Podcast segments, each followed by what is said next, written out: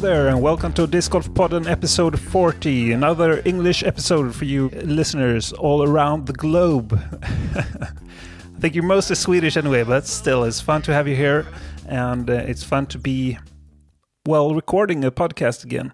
It's always fun. Not quite as fun as that Richard cannot join us today, so it's uh, it's only me and this guest that uh, we have here today, Avery Jenkins. Should be great fun, and I'm looking forward to it already. Since I'm alone here in the studio, I think we just jump right into the interview. He is a US distance champion times three, and he likes making putts from the knee. He's part of a disc golfing bloodline, and he's known for his course design. The father of the Destroyer, as well as a Discmania employer. It's time to welcome the Boogie Deflector, the Certified Tournament Director, the Arlo Protector, the Ale Inspector, the Undisputed Course Collector, and first and foremost, the 2009 Disc Golf World Champion, Avery Jenkins. Wow, quite an intro there. That's uh, that's impressive. Thank you. Good to be here. It's nice to have you here. I'm very, very happy that we could do this. We actually talked a, a few times earlier, but it's nice to to have the time for both of us. Absolutely. Anything in the presentation that you want to comment on? That's that was perfect. Father of the Destroyer. Never thought about it that way. That's that's that's perfect. That's that's everything. And yeah, obviously a Discmania these days, and uh, yeah, doing doing well with everything. Uh, Discmania wise, team manager style, um, disc golf park, everything. Everything's doing great right now within the business of disc golf. Indeed, it is. It's nice to see you again. It's been a while. Uh, we actually have a few rounds, you and I, uh, together. I think it was back in 2018 or something. 2019. Oh, 19. To be exact. Yeah, it was all pre-pandemic stuff. Uh, that was my last one of my last trips to Europe. Really, I think I was I went to Norway later in that year, but I was over there for the Swedish Open and then Borås. That's right. So I was over in that area, hanging out with you guys in 2000, early 2019. Eh, it was like April, May, and uh, that was the last time we hung out together and played some played some golf together. So it's been a while. So it's good to see you again. It's good to see you too. Um, as I said in the presentation, you, you, you come from a disc golfing bloodline, and you played a lot with your your your father Leroy. Is that correct? Indeed, yes. I come from a entire family of disc golfers. My mom and dad started in the early '80s, um, early to mid '80s, and got me and Val into it at a very young age. And yeah, used to play a lot of local regional events as a as a junior player, and started climbing up the ranks as an amateur player, and then eventually a pro player, and traveling the country, traveling the world. You know, doing something we love and competing in something we uh, really enjoy. So we came from kind of the addiction of going out and traveling and, and playing um, that came from my parents. You know a lot of our big family vacations and road trips always revolved around playing disc golf courses or playing tournaments um, mostly world championships during the summer. So we'd travel all over the country wherever the world championships was that year we would be there. And so i've been to every single world championship pro world championship since 1991 and so being uh, not too old yet, um, um, I'm pretty much, you know, I've been around um, for a long time. I'm a veteran with veteran within the sport just because of that, and traveling and and playing and doing my own thing for many years. It all stemmed from my parents kind of starting this off at a very young age doing that. Yeah, and you turned pro in 2000, right? 2000, yes. Yeah, that was my rookie year. Okay, all right. And um, you are is it 43 right now? 43. 43, yep. yeah. But you still play a lot of MPO, uh, uh, not that much MP40, is that correct? Um, never played MP40, never played a Masters event, nor do I intend to at any time. I like what I hear. yes, sir. Yes, sir. Uh, when you still have that kind of level of uh, play, I guess it's uh, it's not really worth it. The young players keep me young and I, I, do like competing against the best players. You know, yeah. Regardless how it shakes out and how how it goes down, you know, I want to be inspired and pushed and driven and playing against the younger players. It's amazing. It's cool to see where the sport has uh, definitely grown to, and still want to be a part of that. Um, and it's definitely a it's a pride thing as well. You know, I want I want to play against the best players when I play in a weekend, and still have the capability of winning you know some of the smaller events. But it's nice to get out playing the big ones as well. I don't play but a handful of tournaments a year. You know, five six tournaments a year, and mostly those are major events, being the World Championships every year, playing the European Open this year as well, and then smaller local events where. I could sleep in my own bed and then walk out the front door and play a tournament. Those are some of my favorites. Yeah, sounds like a good mindset there. Yeah. Do you want to take us back to the World Championships of 2009 and walk us through that a bit? Yeah, it was uh it was it was everything. It was everything that I kind of aspired to do and wanted to be. Um, knowing that Kansas City Worlds was kind of right in my wheelhouse, meaning that I really enjoyed playing there. I liked the arrangement of courses. I knew they were longer thrower courses per se. It wasn't techie kind of wood stuff, even though we did have a good balance of some of the courses. A lot of the other ones were were bigger, and you could take advantage of being a longer thrower. Um, so knowing that going in, playing the Kansas City wide open for years leading up to that time, um, I guess I was just really confident going in there, kind of feeling very comfortable, very driven, very inspired and going to that worlds i just felt like this was my time this was my this was my tournament to win and so it was a long hard fought week. Nowadays we play four rounds and then a fifth round being a semifinals. Most worlds were you know anywhere from six to seven to eight rounds sometimes nine which i played early in my career. This one was uh six rounds with a semifinal and then a final nine. And so that final nine ended up finishing in uh, in a tie with me and Josh Anthon, and we went five holes in sudden death play, meaning the next person to win the hole would win the world title.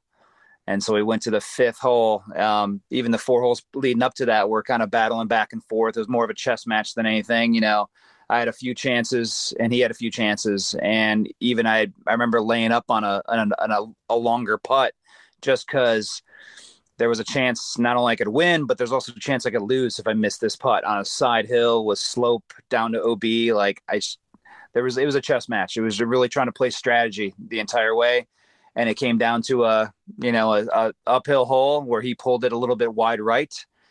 I got a little closer, about within you know is in circle one for sure, and he missed a, a longer forty footer, and I had a twenty two footer for the victory, and it was really about getting the right frame of mind, you know, just really kind of putting yourself in a in a in a peaceful place where of all the commotion and all the pressure and all the people watching 2000 spectators surrounding you it's about putting yourself in a, a very happy place and letting everything kind of disappear. It's this is you in the basket at this time and exactly what it was. This putt was nothing different than any other 22 footer i've ever faced in my life even around the practice basket. It shouldn't be any different but you create certain pressures and everything's on the line. But I did my best to make everything disappear. And it was just me in the basket. And it was about standing there and delivering the best putt of my career. Dead center chains, no doubt about it. And it was all about leaving it all on the course. After I made that putt, it was uh it was an uproar of crowd and myself, everything with the energy within myself, just uh, letting out a roar as I, as I won the tournament, hands in the air, surrounded by family and friends. It was it was everything I worked towards. All the early mornings, all the rainy, wet, cold, windy rounds that I didn't want to get out and go out and play. I went out and played because I know it was all preparation for something greater. And it all came together in, in one glorious tournament. And it came down to one big putt on a sudden death playoff to win a world title. So it was it was everything I worked for for 10 years at that point and a lot of determination, a lot of passion, a lot of drive to finally get the goal and accomplish the goal that I set out for. Yeah. Yeah, that sounds sounds like a dream, a disc golfer's dream at least. It's what everybody aspires to be. You know, everybody wants to be the best whatever they choose to compete in and this was uh this was everything I worked for and it finally paid off. Yeah also Valarie won the same year. And that was the thing. I, I made a promise with Val. You know, she was going in there and she was kind of a walk in the park final nine. She had it locked up and she just had to go out there, go through the motions and, and close it out. And she won her third consecutive world title. And so we made a promise to each other that if she goes out there and wins hers, I'll go out and win mine. She won her third. I won my first, and we became the the first siblings, the first brother and sister combo to ever win a world title together in the same year.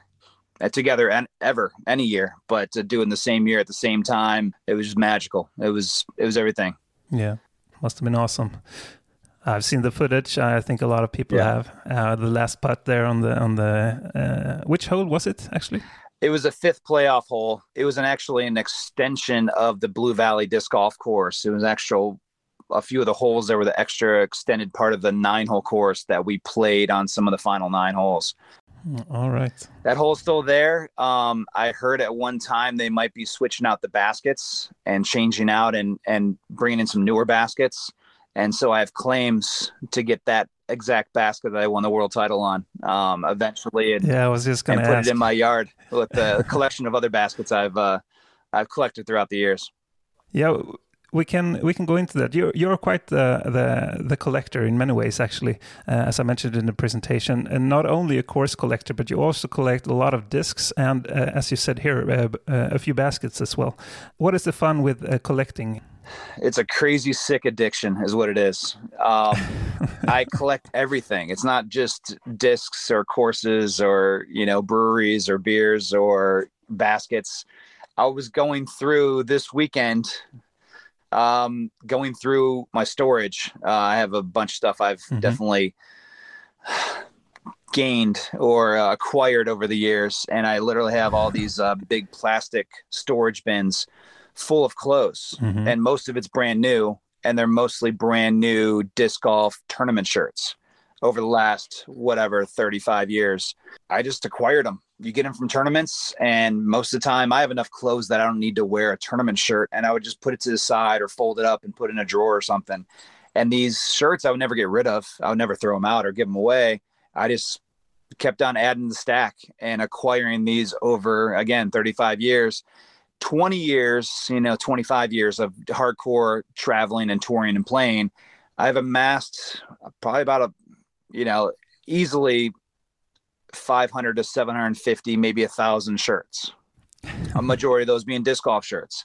And with those, I was going through them this weekend, trying to kind of organize them a little bit. You know, tournament shirts from other disc golf shirts, um, collared shirts, dry fit shirts, cotton shirts, whatever and I have plans to take photos of them and maybe post them, but even try to get rid of them, maybe sell them. Um, and they're part of this Mhm. massive collection where I never thought about it. I was never really a shirt collector by any means, and I just have all these shirts. And then I thought about, it, I'm like, this might be the biggest collection of disc golf apparel, maybe anywhere Yeah. and I think about it, there's a lot of people that collect things, and there's people that collect disc golf things, and there's people that collect disc golf shirts, I'm sure. But then I thought about it. I have over with sanctioned, unsanctioned event. I played over 500 events in my career, and I have stuff from all those events, whether I got in a players pack or friends or during my travels, people give me shirts, hats, stickers, whatever, discs, and I I collect them and I keep them and I never get rid of them. And I have all these shirts. So over that time, most people don't have the shirts I have. It's crazy. So I'm going through all these tournament shirts and I'm like, this might be the greatest disc golf shirt collection anywhere in the world. And I didn't mean to, but it's kind of cool. And um, that's just a little side thing among other things I collect. Um, discs, obviously, being what I'm known for. Majority of, you know, I collect a lot of discs. I acquire a lot of discs. I've been a sponsored player for over, you know, 27 years at this point. Um, so I've been on different teams and on Innova for 20 years, on Discmania for last 11 years. So it's like you acquire things and you have backups of certain discs and you make sure you you never run short on discs of discs you really like to throw. But then I also like to I like the history of it all. I like to collect discs from t- different tournaments and and different eras and different times for historic, you know. And so that's the probably the thing I'm most known for is the disc thing, and then gradually growing into more the course thing, um, collecting disc golf courses per se. Yeah. How many do you have under your belt now?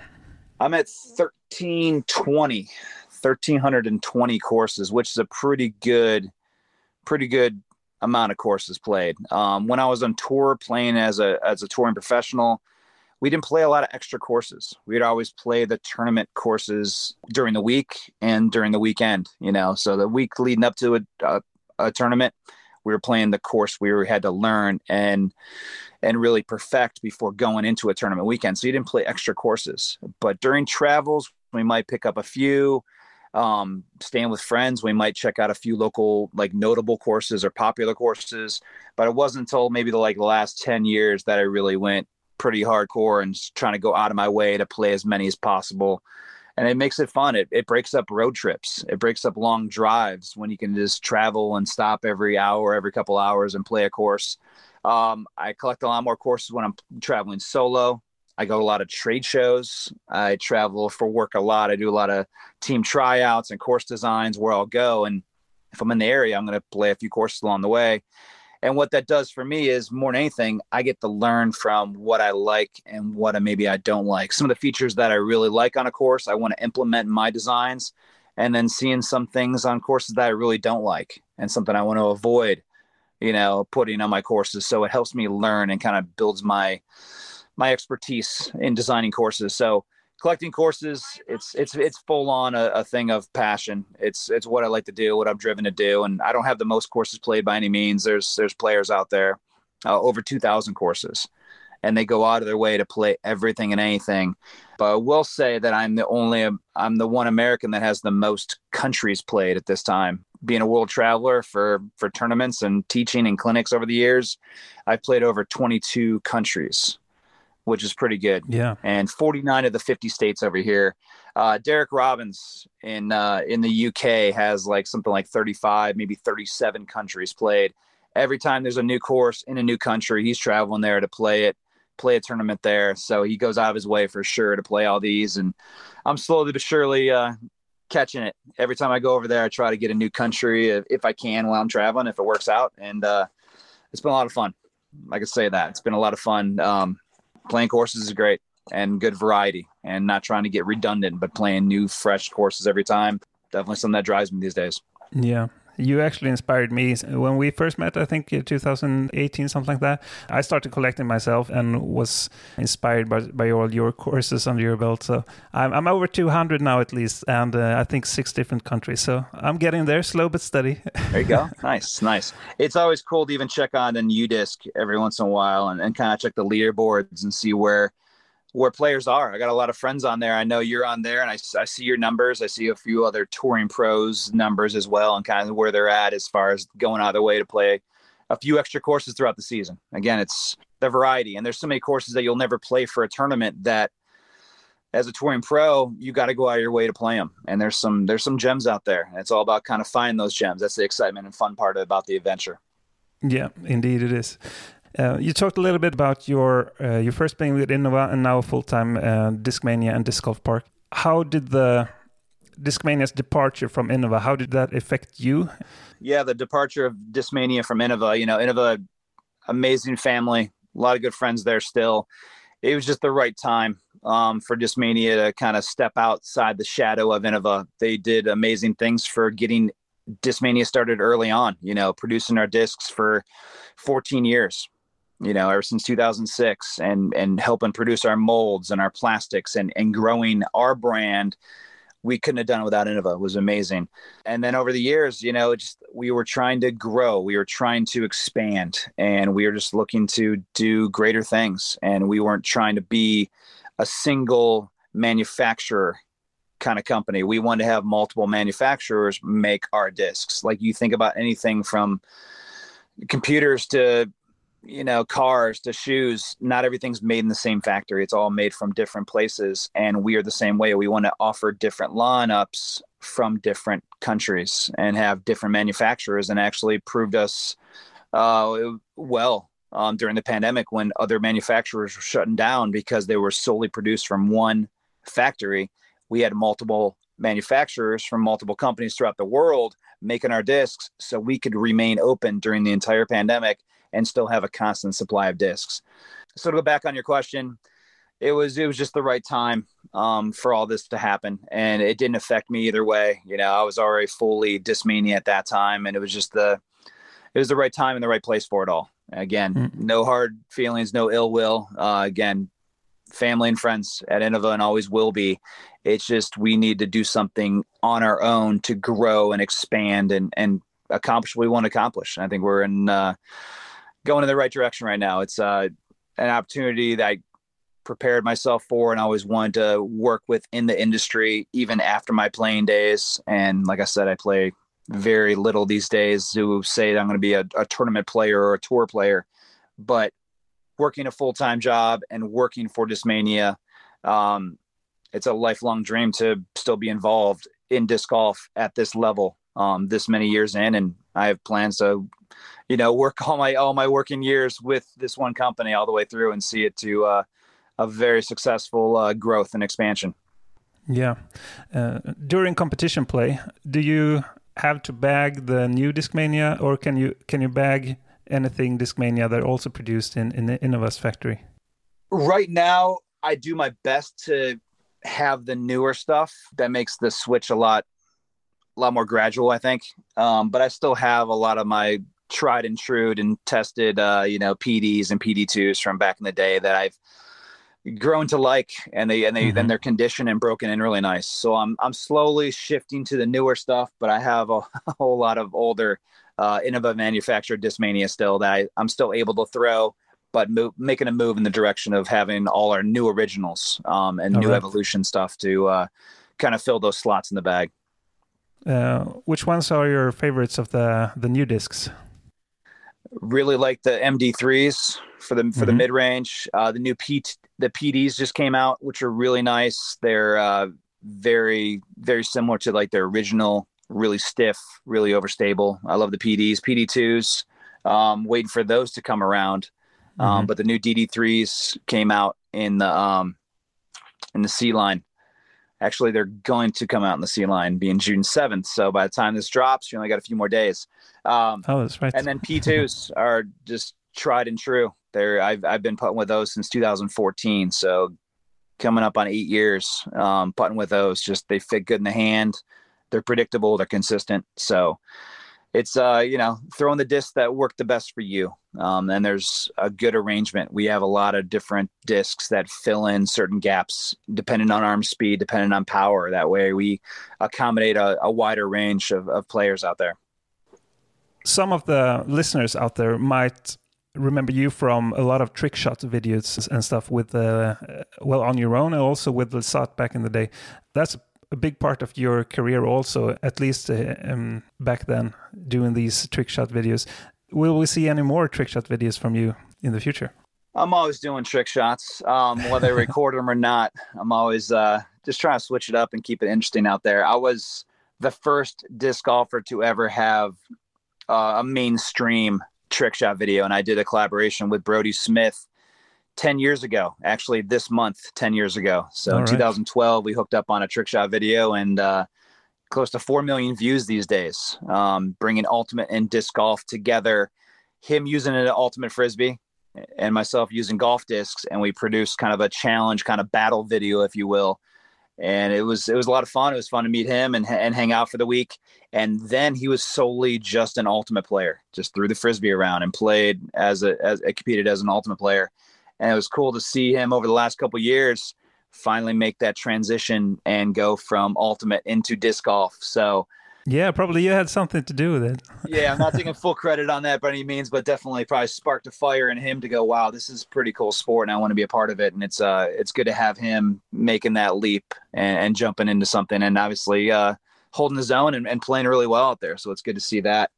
Um, but yeah, we did that back in the day, and then I knew when I wasn't playing as much, and I was starting to raise a family and kind of move in that direction with my career, working for disc golf, I knew that I couldn't be out there playing every weekend and I couldn't be out there doing trick shots all the time. So I, the second video we did, I brought Simon into the trick shot realm and was kind of a passing the torch kind of here you go, Simon. You and Brody go do trick shot videos now. I'll be a part of this one, and then you kind of do your thing. Mm-hmm. And then Simon became the disc golf trick shot guy after that. Like he's persistent um, and doesn't give up on on trick shots, and he'll go out there and and spend hours, if not days, doing them. So it's really cool to see where he's gone from the trick shot days early on, working with me and Brody, to kind of making his own solo career within trick shots and, and taking disc golf trick shots to another level. Yeah, yeah. Most of you have probably seen his videos also on YouTube. He's doing a good job there. And uh, congratulations to Simon, by the way, for his big victory not too long ago. Yeah, that was impressive. Um, it was just it's cool. Again, like he's a he's a new father. It wasn't too long ago he had his uh, his first child, and you know, raising a family and and being a father that's a certain responsibility and it's very time consuming. And so he doesn't have as much time to practice. Plus, he's been dealing with injuries over the last couple years and uh, so it was great. It was it was a triumph for uh, for a lot of reasons, um, and his his his head was in the right place. I think he just he knows what he's capable of. We all know what he's capable of.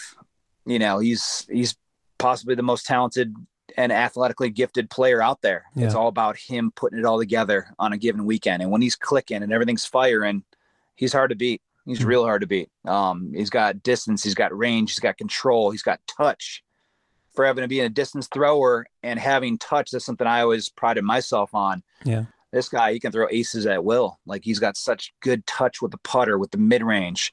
He can throw overstable stuff, make it look like it's understable, you know, mm. and he's got a, a putt that can range from anywhere. Like he's just got such a good variety of of shot and shot selections. That's why I was like, he should be winning every weekend. I I always felt.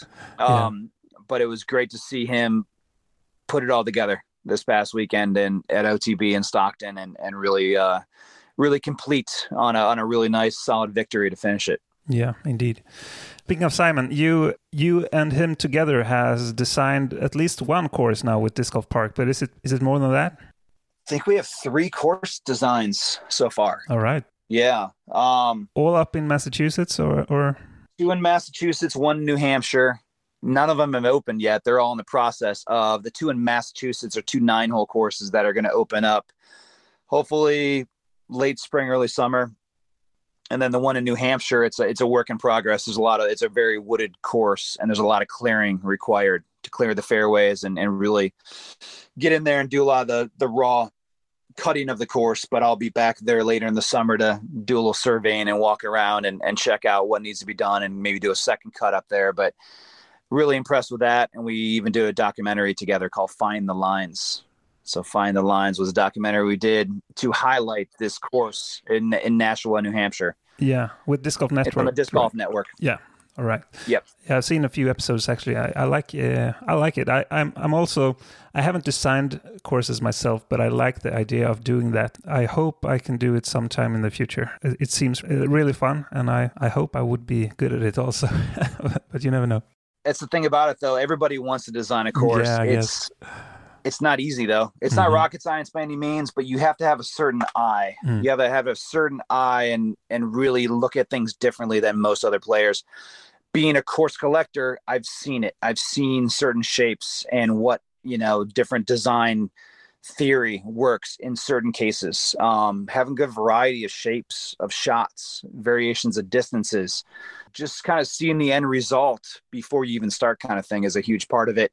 Being very critical. Um, there's no one more critical in course design than me. I'm very just very OCD, like to the max when it when it comes to just placement of tee pads and baskets. Like I'll literally move a tee pad or a basket an inch to make it a better hole. Like it's got to be specific and everybody wants to design courses, but there's there's very few that really take it to a you know a very professional level of how they do it and implement it and does it work and just utilizing the property the best way possible you know really bringing in the natural features of the property and making sure it all just intertwines and coexists that's a big part of it you know making sure that this thing is going to produce the entertainment value of drawing players out there and having an enjoyable you know, fun time playing disc golf. So it's definitely not for everybody, um, but having a keen eye for it and spatial, you know, recognition and looking at certain things in a different way, especially on wooded courses, it's it's tough. It's it's really tough to look through and make the underbrush and the small saplings disappear as you like look and see the big taller trees and really try to see the shape of the fairway um, trying to minimize what you take out of a, a property is huge. Yeah. You really don't want to make it more work for the for the clearing crew to go through there. Plus, you just don't want to take down big trees. You're taking down like lower underbrush, smaller saplings, things that are going to get choked out and probably die away anyway. But keep the big mature trees in place and locked in position, and and really utilize those natural features and creeks and streams and brooks and ponds and lakes and uphill, downhill, cross hill, open, wooded. You're trying to just have a good variety is is a big part of it, and and make sure you keep it safe. That's the priority. Yeah, knowing you, I take it that you are more of a uh, like you, you you want more a natural course than say for example USDGC with, with all the OBs and, and unnatural uh, mandos and, and stuff like that. Is that correct? Yes, I, I like natural features. I, I I don't like manufactured, um, made up, you know, features on a course where you put in mandos or you you build something up to force a certain shot or certain direction. I don't like when it's so unnatural and so manufactured it loses that golf touch you know that that feel that aesthetic that beauty yeah. of being out there on a natural course and i'm a huge advocate like mandos if you absolutely need a mando you got to put it in place you know for for safety of other holes or or parking lots or other park users for sure but there's other ways to maybe design or force certain shots that you can maybe get away with not putting a mando if designed correctly not saying it's always possible. I have a couple Mandos on the 30 courses I've designed, but all for safety reasons or all to keep, you know, certain shots out of certain fairways yeah. in, in a way. But I really try my best to avoid them. And I'm like, it's, uh, it's like one of the biggest pet peeves of mine is having Mandos, forcing a certain shot. There's other ways to force shots naturally and pushing against trees or bushes or, or really uh, the placement of the tee pad to really force a certain corridor, alley, or fairway where you don't need to put a mando and and force a certain thing. It's not natural. So I try to go the natural way whenever possible. Speaking of course design, you've been to Europe recently with Disc Golf Park. Tell us about uh, that adventure. So earlier this year, well, we were in talks earlier this year, but last year uh, with the the forming and establishment of the Paul Macbeth Foundation, we at Discmania Disc Golf Park ended up being a, a gold level partner of the foundation. Um, the mission of the Paul Macbeth Foundation is to bring disc golf to underserved communities and to countries that don't currently have disc golf or disc golf at a certain level, trying to make it accessible to the most amount of people. And throughout that time, over the last year, they put in like five or six courses, and already this year in 2022, they've added a few more to that list. Um, with this project here, we ended up getting a conversation earlier in the year and decided we wanted to move forward with a, a course in uh, Niksic or Niksic is as you look at it, but it's Niksic, mm-hmm. uh, N I K S I C, uh, Montenegro, um, a country uh, just east of Italy south of Serbia, south of Bosnia Herzegovina, south of Croatia, right up on the water, right there on the Adriatic Sea. And beautiful location, beautiful weather, Mediterranean climate, and they don't have a single disc golf course. And the nearest course to that at a permanent level is in northern Croatia, nearly 500 miles away, 800 kilometers away. So there's not another course anywhere around. And so disc golf is just doesn't exist. They don't know what it is, and it doesn't exist at any kind of level. And so we're bringing this into an area that's very um, underserved on the disc golf level, and decided, wow, this would be this would be perfect. Um, so with the with the foundation reaching out and and getting a, a contact, um, good friend Vukashin, he uh, he's a local there. He's the one that is bringing disc golf to Montenegro. He's been to the U.S he's played disc golf in uh, North Carolina several years ago, and he has friends in uh, in the Netherlands in Holland that he's played disc golf with. And so he knows about disc golf. He's played disc golf, and he wanted to bring disc golf to his hometown. And so, with that being said, worked it out for months that I was going to travel over there. The first trip happened three weeks ago, where I traveled over there in an advanced trip because I wanted to check out the lay of the land, really see what this property provides. It's a park, a very high traffic park, a lot of park users. There's a main thoroughfare or pathway right down the middle where a lot of people come out there and walk. Um, other activities in the park, playgrounds and swing sets and and pull up bars, and there's like a lot of different other activities within the park. And I was just unsure of what needed to be cleared or cleaned. Um, I didn't want to go over there one time and then do a design and then have to clear a few fairways and then install equipment and build a course and then do grand openings and clinics all in one week. I just felt the pressure would have been too great to do a quality job.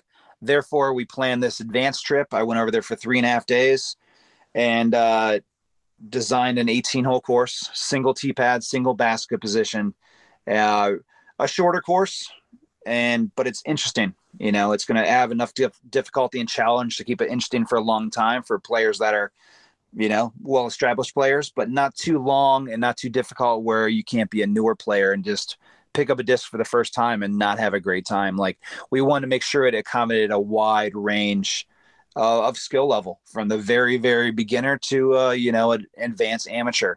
Um, and wanted to make sure just it covered a wide range of that where I kept myself in check the entire time thinking on these holes, what's the five year old kid going to do with his one disc that he just bought or was just given?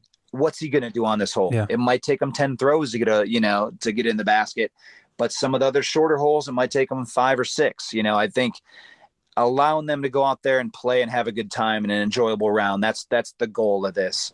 So I don't want to make it so easy where it's a hundred foot holes and then the local players that are players and have been playing for a while get bored of it and they just give up on it and then it never turns into anything.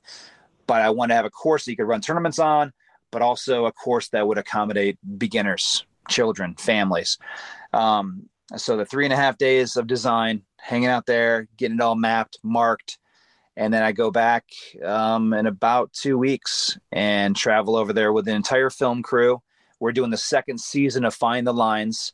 Uh, this season, unfortunately, we're not having uh, Simon make the trip. He's got too much going on. Again, being a tour player with the family, it was just too much. As much as I Yeah. wanted to have him over here for the design or for the build and install, it would have been a bit much. So we're traveling over. We're gonna making a documentary with it, along with the Disc Golf Network, and then Jomez being partners with the Paul Macbeth Foundation. You know, they're going to be recording and and and capturing the event as well. So we're going to go there for about a week, and we're going to take all the equipment that we receive and go through and build and install this course from ground level, like digging holes and building Mhm. frames for T pads and putting in T signs and and then probably after about four days we should have a completed course. That's the goal. Get all the baskets in in one day, get the T pads in in probably about two days, get nine and nine, and then have a grand opening, have clinics, and establish uh, Montenegro's first disc golf park. Sounds So nice. that's, that's that's the goal. That's the goal. So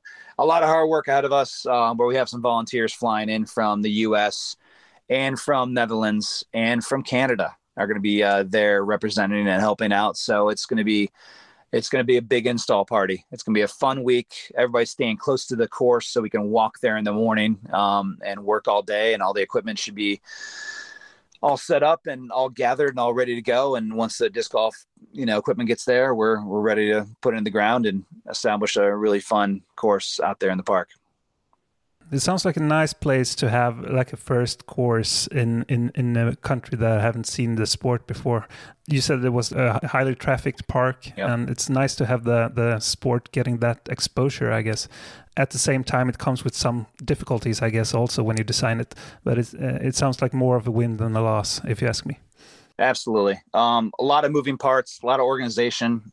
Paul Macbeth Foundation doing an incredible job of just getting everything squared away, making sure we have everything we need, equipment wise, supply wise, material wise, um, all the all the moving parts, all the logistics of flying all of us over there and then finding accommodations and even getting us rides to and from the airport. There's a lot of things going on with this, um, but in the end, it's going to be all worth it. So, and I will get to play my uh, 23rd country at that point. So I'm Oh, actually perfect. the course so I can go play it and, and add another country to the list. Um, but like you were kind of, I think you're hinting at, is that this is another country that didn't have disc golf. It's going to have disc golf, and it's going to kind of create that disc golf tourism where players from all over Europe.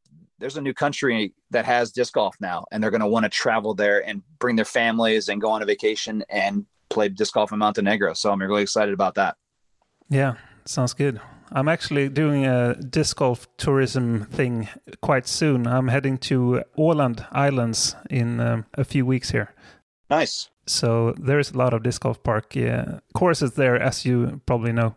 16 of them to be exact. Yeah, Um, let me know how that goes. I have Uh, we're making plans right now to travel over there after the European Open in late July, and I'm going to be there for about four or five days playing courses and and doing videos over there. So we're going to make a, a, a big trip out of it and, and looking forward to getting over there finally. It's been on my list for a couple years now, ever since they announced they're having disc golf island and i'm really curious uh, about playing some of these courses and especially with the the daylight hours the way they are um, we're gonna have some really nice long days of going out and playing under the midnight sun Sounds awesome. I keep you updated.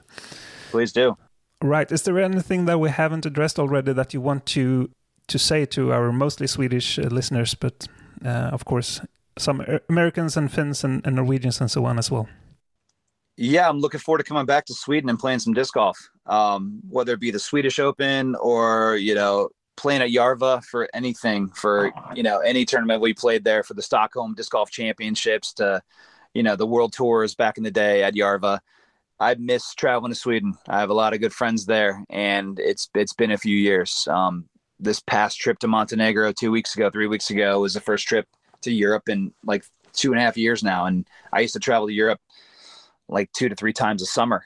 So miss everyone in Sweden. I look forward to getting back and, and playing some courses there and, and traveling through the country and, and seeing friends and just enjoying my time there. I always had a great time playing in Sweden and, and look forward to coming back. I'm glad to hear. Just let me know if you're here and you need accommodation or just a disc golf guide, I guess. Absolutely. Absolutely. There's probably some new courses that popped up since I was there last and uh, need to add them to the list. I think I'm at like close to 70 courses played in Sweden. That's uh, not bad. Not too bad. Not too bad for a, for an American, but there's uh, there a few more out there I haven't played yet. Yeah, there is. We will make it happen soon enough, I hope. So I will have to thank you again for doing this with uh, with me and for Disc Golf Podden. I think uh, this will be a great episode, and I hope to talk to you soon, Avery. Sounds good. Thanks for uh, being persistent and reaching out to me. I'm glad we could finally hook up on a on a call and and, and talk some disc golf. Always always a pleasure. Thanks for having me. Thank you. Yes, sir. See you, Simon. Cheers. See you. Bye. See me driving after tea. Weather's looking good. I got a disc bag full of tricks.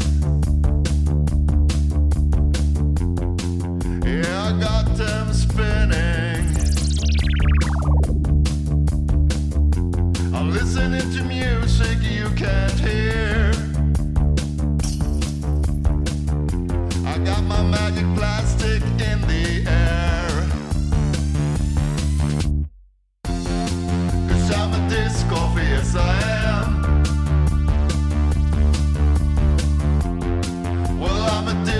yes I am. I'm a I am. Well, I'm a disc yes I am.